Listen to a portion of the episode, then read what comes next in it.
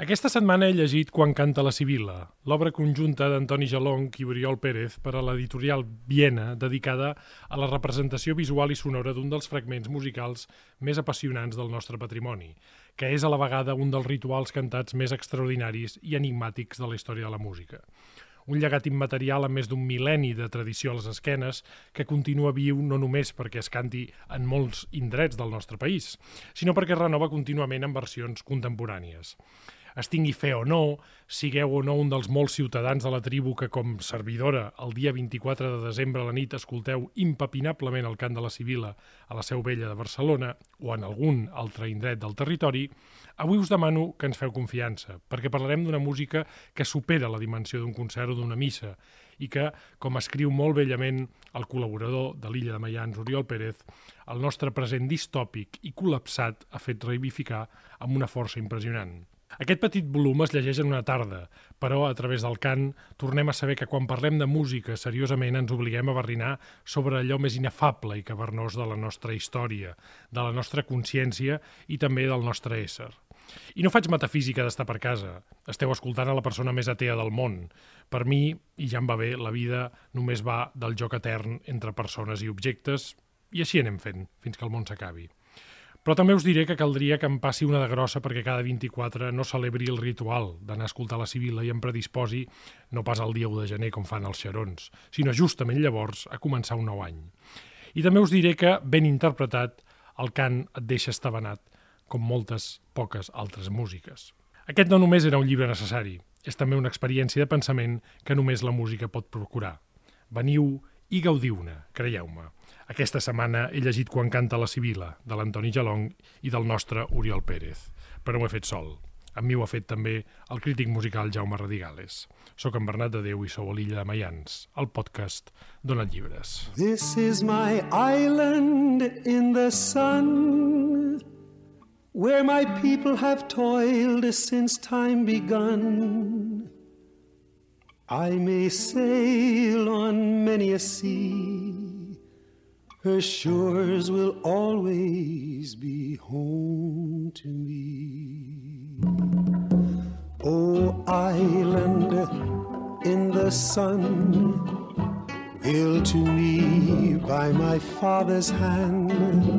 All my days I will sing in praise of your forest waters, your shining sun.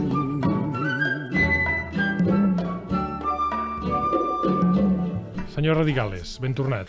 Senyor de Déu, moltes gràcies. Abans havia vingut com a autor, ara tornes a la teva condició natural i tranquil·la de col·laborador, però l'Oriol avui ve en condició d'autor. Oriol... De coautor. Coautor.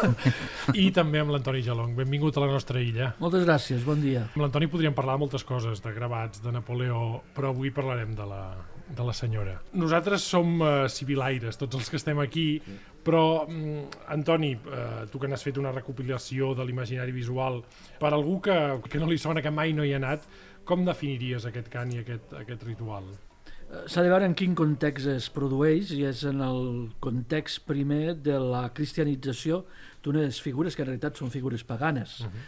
Uh, la primera representació gràfica de la Sibila la podríem uh, situar sobre el segle 6 abans de Crist, per tant fa 27 segles que nosaltres convivim amb les civiles i en canvi és una figura poc estudiada i poc coneguda. Que el seu nombre ha estat oscil·lant, la seva representació ha estat uh, diferent i que eren persones que en l'antiguitat clàssica, en el món grec i romà, endevinaven el futur. Uh -huh. Aquesta era la seva la seva funció i endevinaven quan s'acabaria la guerra de Troia o si havia de baixar als inferns, quan havia de baixar als inferns el protagonista en qüestió però amb el cristianisme resulta que el que anunciaven eh, les antigues eh, civiles es transforma amb l'anunci de la vinguda del Messies. En aquest sentit eh, mil·lenari eh, de l'any 1000, aquella vinguda, primera vinguda del Messies es transforma en l'anunci de la segona vinguda del Messies, que serà la fi del món. Uh -huh i llavors a partir d'aquí hi ha tota una representació pictòrica, escultòrica i gravada eh, de les civiles, bàsicament sobretot als segles XV i XVI, que la fan una figura molt propera. Això s'acabarà abruptament el, després del Concili de Trento, el 1561, quan les representacions de cants d'origen pagà seran eh, no recomanats, diguem-ho així, o directament prohibits Sí, sí. a les esglésies i catedrals, i això decaurà excepte els llocs que el telegrama de Roma no va arribar, com Mallorca o l'Alguer, on es va continuar fent, perquè no deve arribar la butlla eh, corresponent. I després hi ha un fenomen de revitalització del cant de la civil a partir dels anys 80 del segle XX, que ha fet que s'hagi estès a moltíssimes contrades dels països catalans, tenint en compte que no és un cant exclusiu de, de, dels països catalans, que és un cant que s'havia produït a, a tota Europa i encara avui a Alemanya hi ha noies i dones Mhm. que porten el nom de Sibila Oh, i i a la història de Catalunya hi ha hagut Sí, sí, sí. Sibiles importants també però és un nom que queda eh, al segle XIII Mm. i després no gaire En aquesta primera part de, del llibre, ara entrarem en la part de, de l'Oriol, fas un repàs de la iconografia, de Mhm. les representacions.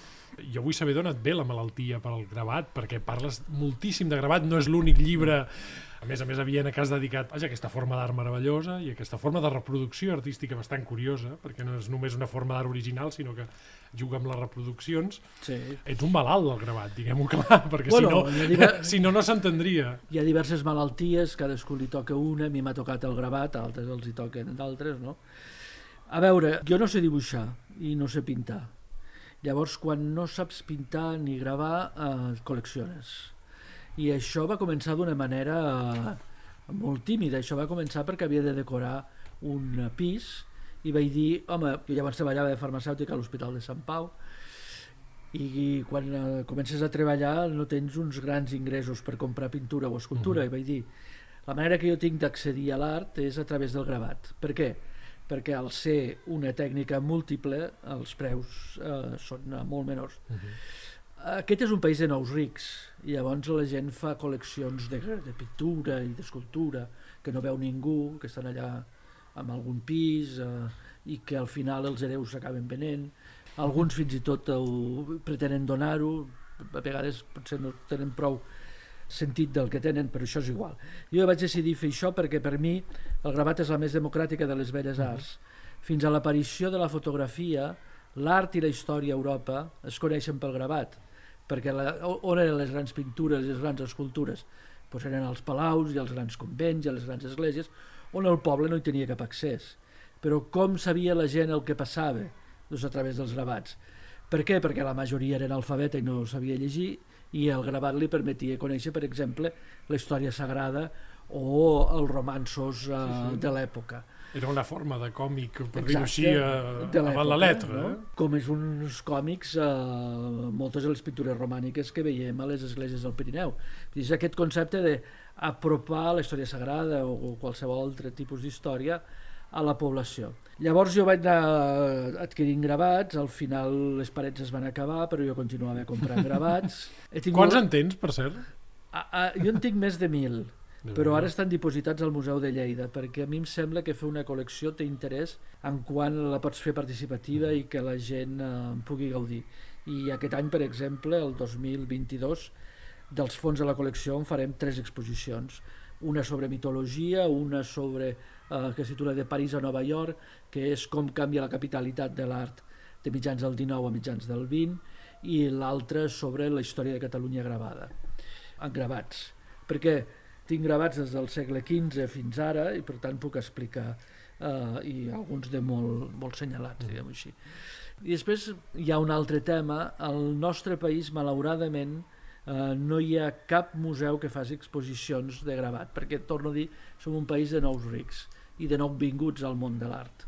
Eh, això a França eh, seria impensable, el Louvre té dues sales dedicades permanentment al gravat, tenint en compte que el nostre Museu Nacional d'Art encara no està acabada la catalogació eh, del fons de gravats i dibuixos, doncs ho tenim una mica més malament i no hi ha un espai dedicat a aquest tema. Per tant, em va semblar que des de, de deixar-ho amb un uh, museu que podia, podia estar interessat en la difusió eh, com el Museu de Lleida, eh, podia ser interessant. I aquesta és la idea, i a partir d'això fem publicacions, i ara estem pensant fer activitats al voltant del gravat però, clar, l'altre tema és que aquí no hi ha mercat del gravat. Mm. O sigui, he tingut la sort de viure molts anys a Boston i molts anys a París i allà hi ha un mercat del mm. gravat, sobretot a París. I llavors allà pots triar i remenar, hi ha col·leccionistes, mm. hi ha publicacions, hi ha associacions, Aquí això no existeix. Va com va, però algú ho ha de, algú ho ha de fer. I bueno, i, eh, algú havia de començar i doncs mira, estic doncs, molt doncs, content d'haver-ho doncs fet. Queda, queda dit i, i aplaudim vaja, la iniciativa i esperem, vaja, i, i visitarem aquestes exposicions. Quines són les primeres representacions que tenim de la Civila? Deies abans que és una tradició pagana que després es cristianitza. Sí. Quines són les primeres imatges? Les, les primeres són de temps dels grecs, amb algun, eh, hi ha representacions de la Civila amb algun d'aquests magnífics uh, vasos del segle VI abans de Crist, on es, es veu la Sibila donant orientacions al magnat de l'època sobre quin havia de ser el seu comportament respecte a una determinada guerra i hi ha diversos gerros, diversos vasos eh, de l'època grega primitiva on hi ha representacions dels cires. Aquesta uh mhm. -huh. és la més antiga que nosaltres coneixem. Uh mhm. -huh. Abans d'escoltar de, l'Oriol, que ha fet un text meravellós sobre que jo diria que traspassa el tema musical de la Sibila i parla de moltes altres coses com no podia ser d'altra manera pels que el coneixem. Jaume, eh, aquest era un llibre necessari perquè aquest, a banda de ser un país de nous rics i de moltes altres coses que ens tindrien entretinguts amb coses que no toquen, és un país on hi ha patums molt conegudes, eh? Montserrat, el Manà, que ara parlaves, el Barça, eh? però que són en el fons poc conegudes, que coneixem poc. És a dir, el cant de la Sibila tothom se l'ha posat a la boca, molta gent hi ha anat, però calia un llibre que ens expliqués una mica molt més que de què va la pel·lícula, sinó l'interès profund que té aquest cant.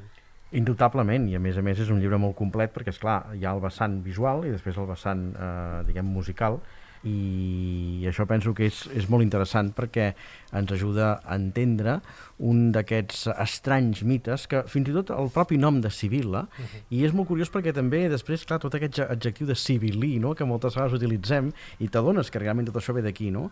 I és un, un nom que continua apel·lant al misteri perquè el propi nom és un nom fascinant, que sona molt bé, o fònicament és un nom meravellós, i continua apel·lant a aquest misteri d'aquest personatge estrany, que, telúric, que ve de, de no sé on, i que ens anuncia la fi dels temps, uh -huh. uh, i que a més a més això no és un mite que pou en la gran tradició mitològica clàssica grega i que després, evidentment, el cristianisme se n'apropia com de tantes altres coses, no? com el propi Nadal, no? que era el, el solstici romà. I, I això és una cosa que és això que dius, bueno, la civil, la civil, tothom se la posa a la boca, però qui és i com és la Sibila? M'ha agradat molt tota la part iconogràfica, la musical, evidentment, també, i ara en parlarem, perquè la part iconogràfica t'ajuda a interpretar tota la càrrega simbòlica del personatge amb les diferents representacions. Jo he de dir que vaig fer història de l'art, però mai me'n van parlar de la Sibila, si més no potser el típic tòpic de les Sibiles que hi ha a la, en els frescos de la Capella Sixtina. De la mateixa manera que musicalment, i ara hi entrarem també, en Jordi Savall uh -huh. ens va recordar amb els seus discos que no només hi ha el cant de la Sibila de Mallorca, sinó que també hi ha la castellana, hi ha la gallega, i això doncs, és també altament interessant. I jo que mm, jovenet, jovenet, ja vaig començar a escoltar algunes civiles amb el, el Xavier Torra, i després el Jordi Domènech a Santa Maria del Mar, l'Eulàlia Fantova, també és dir, clar, ara allò que a la civila realment li poses no cara, no, cares. Mm -hmm. A banda que també, i d'això també ja n'ha parlat una mica l'Antoni, tota la, la complexitat teològica que hi ha al darrere, amb aquesta mena de prudència amb què l'Església Catòlica accepta la civila, però ara no es pot cantar, ara sí... Iconogràficament, Antoni, això és molt interessant, perquè te n'adones que la civila és dels pocs personatges femenins que no representa un arquetipus, i tu que has vist molts gravats, la dona gairebé sempre és un element decoratiu. La Sibila, en els gravats i en algunes de les imatges que tu veus, és una dona que adverteix. Mm. I per tant aquesta posició de la iconogràfica femenina és trencadora, és, és problemàtica. En el... bé, bé, les civiles ve a ser uh, la contraposició dels profetes. Per què s'acaba amb 12 civiles? Perquè clar, les civiles primer era una, la Pítia de Delfos després són 3, després són 6, després són 9, i acaben en 12. Per què són 12? Perquè 12 són les tribus d'Israel, 12 són els grans profetes i 12 són els apòstols. Llavors aquesta és la figura femenina en un moment que, que les dones no juguen eh, cap paper en la història teològica, però que s'exalça la figura de la Mare de Déu i diu, escolti, contraposats als profetes tindrem les civiles.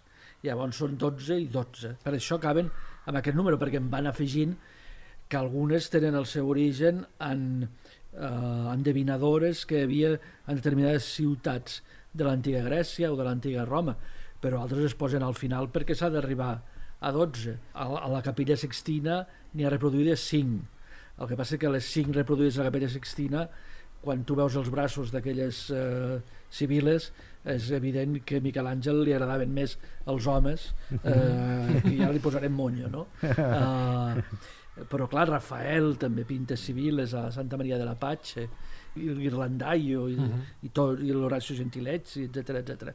I en el camp del gravat, i en el camp de l'escultura. El camp de l'escultura és fins i tot una mica anterior perquè trobem civiles en llocs que són una mica impensable perquè al pòrtic de la glòria de la catedral de Sant Jaume de Compostela hi ha una civila uh -huh. i n'hi ha a la catedral de Lleó. Vull dir que era una figura que al final s'havia assimilat perquè permetia dir escolti, el Messies ja ha nascut, però el Messies tornarà a venir i no sap ni el dia ni l'hora, i serà el judici final. Perquè clar, el cant de la Sibila el que t'anuncia és el judici final. I és molt curiós que t'anunciïn el judici final la nit de la primera vinguda del Messies. Uh -huh. Vull dir, escolti, ara és una joia, però sàpigui que això és una acabarà... advertència. És una advertència. A, a més a més també apareix en el text del Requiem en el Dies Ira, em sembla, no? Sí, el text sí. del Celano apareix també la, la Sibila... Com, com no podria ser d'altra manera, aclarim que Viena fa bé les coses, hi ha algunes eh, representacions iconogràfiques molt boniques al mig de, del llibre eh, que us ajudaran a il·lustrar tot això que explica l'Antoni. Pel que fa a la música, eh, jo crec que tots els, els bons textos sempre es fan des del present i jo diria que l'Oriol no només ha fet una i amb això volia començar, Oriol, no només has fet un text pensant en aquests inicis enigmàtics i d'un sincretisme brutal de la Sibila, perquè la, la, la Sibila ve de molts llocs, per això, per això ens apela tant. Eh? Hi ha un tema, ara ho deia l'Antoni, del mil·lenarisme, eh, dels profetes antics, però també un tema que ja ve de Grècia, per tant és un, és un, és un cant molt curt però on hi ha mil tradicions, hi ha aquest enigma, però la llegim des d'un temps, com dius tu, que és un temps de canvi, eh, un temps vaja, de, de distòpic, eh, de, on la col·lapsologia i que les coses s'acabin és una realitat molt palpable existencial, la qual cosa explica que, que aquest cant hagi tingut una certa revaloració popular, és a dir, tu abans la civil et trobaves gent de les parròquies i ara hi vas i et trobes molta, molta gent jove. Tu llegeixes la civila des d'un temps de canvi, des de l'ara, no? Jo crec que vivim un moment històric que és transformatiu i transformador. Transformatiu perquè s'està transformant i transformador perquè també ens apela. I jo crec que, com deies, aquest sincretisme també ens porta a entendre de que segurament doncs, anem a parar allò que es diuen els arquetips. I l'arquetip d'un final, i és present, només cal que pensem doncs, amb, el gran, amb el diluvi universal, és això. És dir, la idea d'un final de civilització, un final, en definitiva, hi és molt present. De fet, jo crec que les coses realment importants, quan eh, entrem en contacte, i això el Jungian s'ho passaria molt bé, quan entrem en contacte amb l'arquetip, doncs diuen que no es fa a través per una explicació, sinó que les coses importants no s'expliquen, es fan. I això és el que va que transcendeixi fins i tot el seu significat o la seva adscripció al seu context originalment cristià. Tu mateix ho deies, no? Mm -hmm. Que tu absolutament, però necessites o reverbera de poder assistir. Per tant, és aquesta necessitat que tenim tots de la litúrgia, la necessitat del ritus i els ritus, en el fons, jo penso que com a animal simbòlic que som, i això ja penso que han dit mm -hmm. molt bé els psicòlegs profuns, doncs jo penso que la Sibila és un d'aquests. I ha sigut per aquí on jo he volgut una mica posar el text. Clar, aquest és un projecte de l'Antoni. Quan a mi em va demanar doncs, el, el de fer aquest text, jo el primer que li vaig dir, ui, perquè no sóc un medievalista. Sí que hi ha uns grans medievalistes i vull apel·lar doncs, a la senyora Mari Carmen Gómez Montaner perquè és la que ha estudiat, i no cal dir anteriorment, no, els estudis d'higiene anglès, o Josep Maria Gregori, etc etc. Uh -huh. Però clar, em va semblar de que si volíem fer un text per donar a explicar, també explicar què és el que passava en el nostre present. I aquí ha estat una mica doncs, el que he volgut d'alguna manera intentar però en el final ja t'ho dic, eh, em quedo amb més preguntes que no pas respostes. He fet més aviat un estat com, de la qüestió... Com els bons textos. I com els no, bons no textos. M'agradaria que em parléssim d'una mica d'aquest sincretisme. Hi ha una cosa que a mi m'ha apassionat, que és el tema de l'any 1000. No? Mm. A més a més, un, un tema que llegim des d'ara, perquè durant l'any 1000 eh, el món eh, és isolat per unes plagues importantíssimes, hi ha la por, eh, perquè alguns fragments de la Bíblia així ho, eh, ho atesten, que pot ser que l'any 1000 arribi el dimoni o torni a arribar el Crist i tot s'acabi, i això ens emparenta directament amb aquells anys, no? un, un any de transició, com tu deies, existencial brutal. Sí. A veure, unes, a través de Biblioteca Nacional de París sabem de que un focus molt important per al desenvolupament del camp de la Sibila, o el que hem conegut, va ser l'abadia de Sant Marcial de Llamotges. I resulta que Sant Marcial de Llamotges havia hagut el 994 una pesta que van morir més de 40.000 persones. Per tant, la pesta que era? Era, si no és el final, és l'anunci de que s'acosta al final. I a partir d'aquí, doncs, comença eh, aquell cant que hi havia dins d'un sermó que es feia la nit de Nadal, que era el sermó de Quodbeltus, que prové precisament dels temps de Sant Agustí d'Hipona, per tant, d'aquells moments que tothom era conscient que s'acabava la fi de l'imperi romà, que comencen a agafar cada vegada més independència i autonomia uh -huh. al cant de la civila. Ah, I perdona, això té, té relació amb els nostres temes perquè a vegades aquí es parla de la fi del capitalisme o la fi de la societat del benestar. Clar, en aquell moment s'acaba un imperi de sis segles. Un imperi de sis segles i que fins i tot n'hi havia que deien que quan caigui Roma caurà l'univers i bé, no va caure l'univers, és a dir, la cosa va prosseguir, no? Sí, però ho expliques, és a dir, l'any 1001 es va veure que no, que no passava sí, res, de... però no obstant es manté aquesta pulsió es parla de l'any 1033 com una... De fet, el 1033 va ser l'altre... Però, però es parla d'aquest moment eh, de canvi col·lectiu que jo crec que emparenta la civil al nostre temps i que la nostra realitat post-covidiana explica molt bé, i és que de, de sobte les coses poden acabar-se. És a dir, que el teu país pot morir, que, coses que, que nosaltres estem experimentant i que, que no havíem experimentat, i és que això, la gent es pot morir, l'espècie es pot acabar, la nostra ecologia és finita, el nostre pla el planeta no és infinit, i això és una cosa que a l'any 1000, com explica també el Dubí, l'historiador, eh, succeeix d'una manera molt curiosa. No? Hi ha un, per primera vegada una assumpció de que el temps es pot acabar. Exacte. I després jo diria que encara va haver-hi un desenvolupament més gran, que va ser sobretot quan arriba la pesta negra, al segle XIV. De fet, és curiosament quan apareixen altres manifestacions. És a dir, si tu mires, per exemple, el llibre Remei de Montserrat, doncs et trobes a Mort Infestinamus, que diu, veiem amb la mort. És a dir, en el fons, la mort com una companya. Clar, era una societat que va veure que més de la meitat de la seva població va morir. I, per tant, doncs, és també el que explica el desenvolupament del cant de la Sibila, perquè és quan comença a aparèixer, ja havien hagut algunes aparicions en llengua vernacle, però és quan es comencen a desenvolupar els responsoris en forma polifònica, i m'agrada molt arribar a aquest punt de les, els responsoris en forma polifònica, perquè actualment, des del 2009, a la Catedral de Barcelona s'ha fet una cosa molt curiosa, única en el món, i és que es fan uns encàrrecs a uh -huh. diferents compositors. Magnífica idea, ho hem de dir, eh? perquè i, i cal dir que cal lluar la seu de Barcelona perquè té un cor resident professional, cosa que no sempre passa, i els músics hi cobren un sou.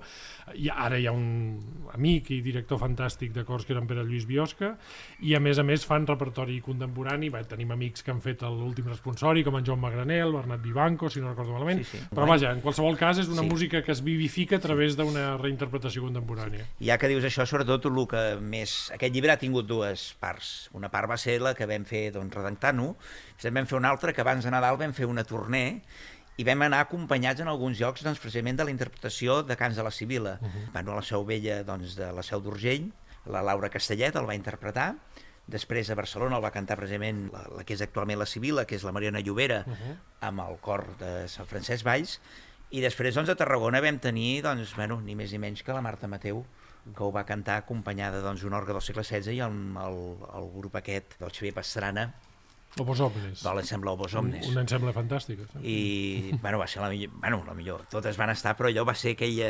A més, era el dia del solstici, va, va, va ser alguna cosa. Van passar coses. Van passar coses.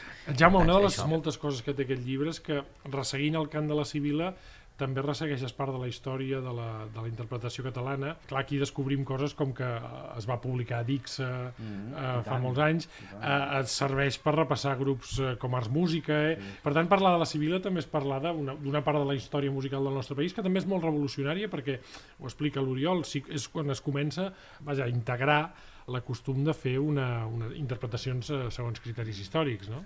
Sí, és un dels grans eh, episodis pendents d'aquest país, és a dir, cal una història de la fonografia catalana.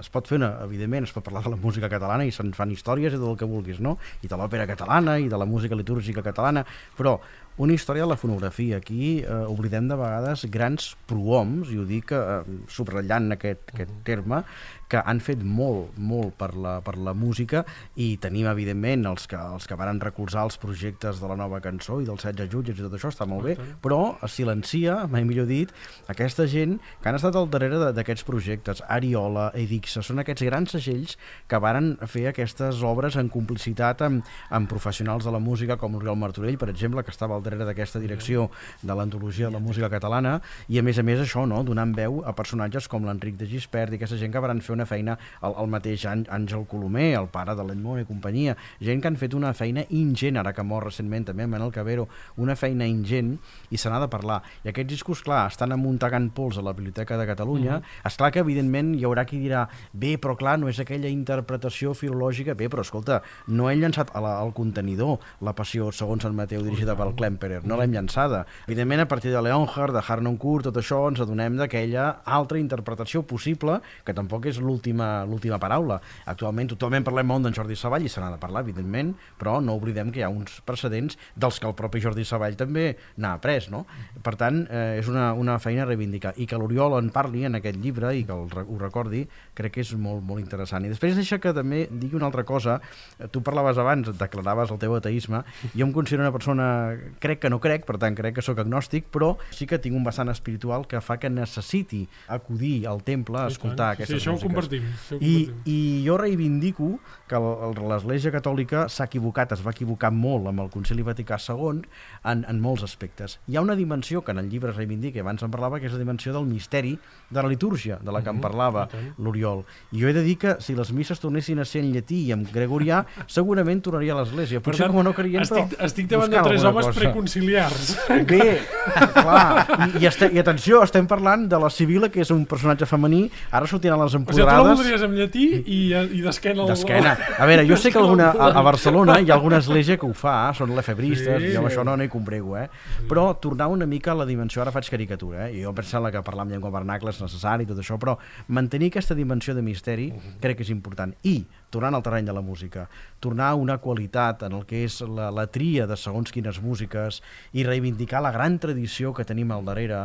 Justament ara parlava d'en Cabero, en Cabero va dirigir durant uns quants anys la, la capella de, del Pi uh -huh. i les peces que interpretaven eren motets polifònics dels segles XV, XVI, XVII i allò era meravellós perquè era tornar a aquella litúrgia a la dimensió mistèrica uh. -huh. dels seus orígens. Jo crec que no podem perdre de vista això i justament acudir a escoltar el cant de la Sibila, ja sigui amb partitures eh, antigues o bé amb aquesta reivindicació que en fan els nous compositors d'ara amb un llenguatge eh, de rabiosa contemporanitat, és molt necessari, és molt necessari. I molt oxigenant. Abans parlaves d'un Oriol, d'un personatge apassionant que és el, aquest Cot Buldeus, que és el primer inspirador del text. No? Del, bueno, el primer que fa un sermó eh? en el qual introdueix el cant de la Sibila. Sempre s'havia dit que era el seu origen, era de mm. Sant Agustí, però és a veure que no.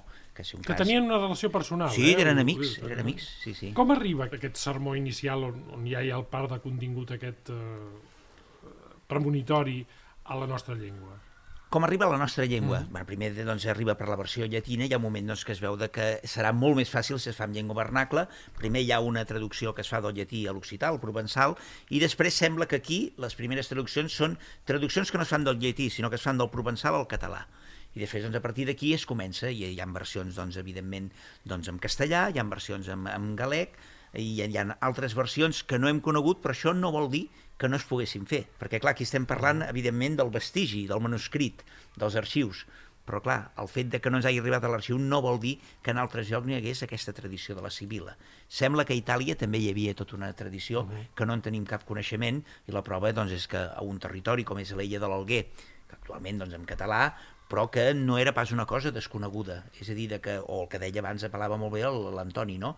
que a Alemanya, fins i tot, doncs, és dir, al segle XIV, quan es parla d'aquella senyora que es deia Hildegarda von Bingen, uh -huh. la declaren com la Sibila del Rin. Uh -huh. Per tant, al segle XIV vol dir que això de la Sibila era una realitat cultural perfectament impermeable. Un personatge fascinant i, a més a més, una compositora, una de les primeres La primera compositora eh? que coneixem música que hi ha autoria signada i, bueno, és molt misteriós lo de la Hildegarda, perquè, més, tu l'escoltes, dius, això és Hildegarda no sé el per què. Sí, sí, és una autoria i, un- i una vida espectacular, la de Hildegard la Vom Bingen, o de Bingen, diríem.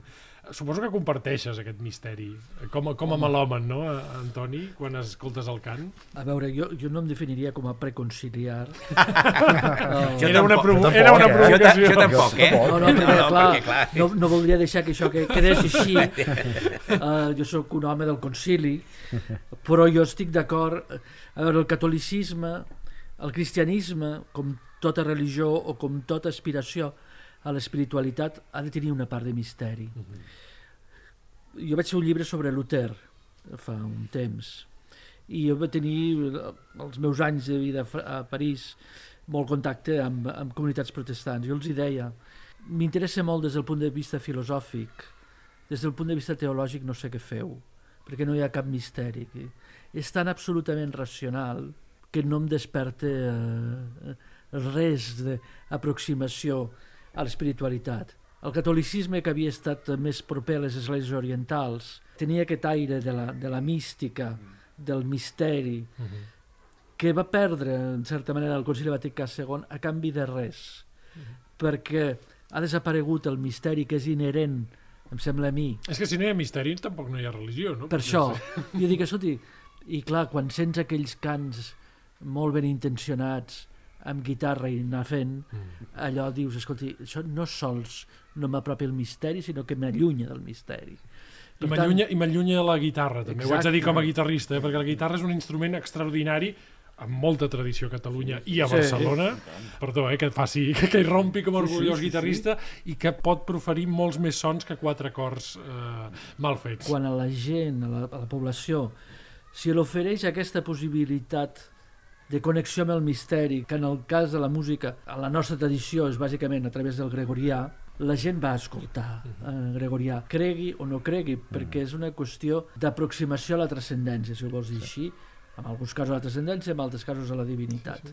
Si aquest misteri no hi és, si aquesta penetració del misteri a través de la música, que és una manera eh, molt humana i alhora molt celestial eh, d'aproximar-se al misteri, la transformem amb unes cançons, eh, amb unes lletres plenes de sentit comú, diguem així, o de tòpics, i amb, una, i amb unes tonades eh, realment... O sigui, els protestants, per exemple, això ho han mantingut. Hi ha cànons de Luther que encara es canten i molts cànons del segle XVI que es canten tant a, la, a les esglésies reformades com a l'església anglicana i ells no han perdut aquesta tradició del cant perquè una gran part de la litúrgia protestant, de la litúrgia reformada, és a través del cant, que Luther mateix va fer dos textos sobre el cant a, la, a les celebracions litúrgiques. I això l'Església Catòlica que ho havia tingut ho va perdre per un intent d'aproximar-se a la modernitat, que és com passa a tants catalans i a tants barcelonins, confonem la modernor amb la modernitat i acabem fent un, unes El coses ridícul, en general. En general sí. I llavors, eh, bé, s'ha de ser modern, però no cal ser modernet. I van voler ser modernets sense saber el que era ser modern. Ser modern és el que fa el Bernat Vivanco, és el que fa el Joan Magraner, és aquesta adaptació al segle XXI d'una música que porta segles eh, sent reproduïda. Sí, sí. Ser modernet és tocar la guitarra amb els mateixos acords, sigui la cançó que sigui, no? Però ara això... Jo crec que hi haurà un retorn, que hi Bé, haurà de, fet, de fet és el que t'anava a dir. Això ja ve de lluny. Abans el, el Jaume parlava de la feina que ha fet en Jordi Savall, que n'ha fet diverses versions Mm. amb, eh, amb Montserrat Figueres, i en Savall mateix explica que quan la gent va poder escoltar el cant, eh, ell mateix explicava una anècdota d'una vegada que el van posar a Catalunya Música per primera vegada i la gent trucava dient, escolti, què és això? És a dir, és un cant, Oriol, no vull fer servir el verb modernet de moda que, és, que ens interpel·la, perquè Oh, no. és un verb que hauríem de desterrar, Sí. però sí que és cert que és una música que, com tu dius, toca alguna cosa del més íntim del més íntim de nosaltres mateixos, que diries de Sant Agustí, que va directament a l'essència, no? I que en uns temps de canvi i de- d'advertiment de, de la caducitat, com deia abans, és, és especialment, inqui... a vegades fins i tot inquietant, no? Quan, quan acabes d'escoltar la Sibila, no saps si sents plaer, si sents dolor, si sents... perquè hi ha un advertiment, hi ha... se- sents por també, uh -huh. sents la inexorabilitat del canvi, és, una, bar- és un barrija-barreja molt curiós. No? perquè també és un misteri, és a dir, de- parlem del misteri de la inefabilitat, de l'absolut, de la totalitat, de l'infinit, però també, precisament, aquest absolut, aquesta totalitat, aquest infinit, aquest misteri, també es tracten de ser viscuts.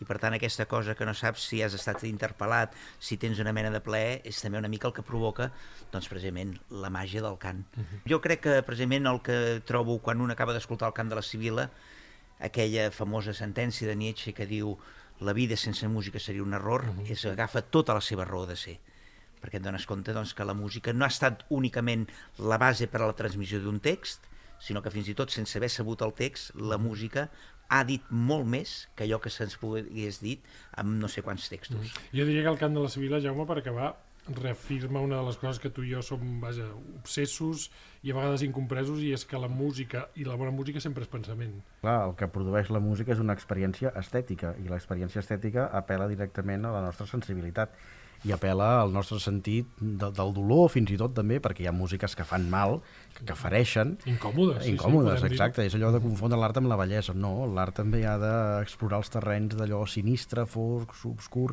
i la música també. I dintre d'aquesta obscuritat també hi ha aquest, el misteri de l'obscur, el misteri d'allò que, que ens transcendeix, parlàveu abans, i també aquesta eterna pregunta, no?, de dir mm, fins quan? I cap on anem, no? I, mm. i quan? Uh, habitualment preguntem als, als nostres convidats amb quina música volen acabar el, el programa. Avui no cal, avui no cal, no cal dir-ho, acabarem amb el cant de la Sibila i a més a més amb una versió d'algú que m'estimo especialment, que és l'Eulàlia Fantova. Hi ha una versió també acompanyada pel cor de cambra Francesc Valls.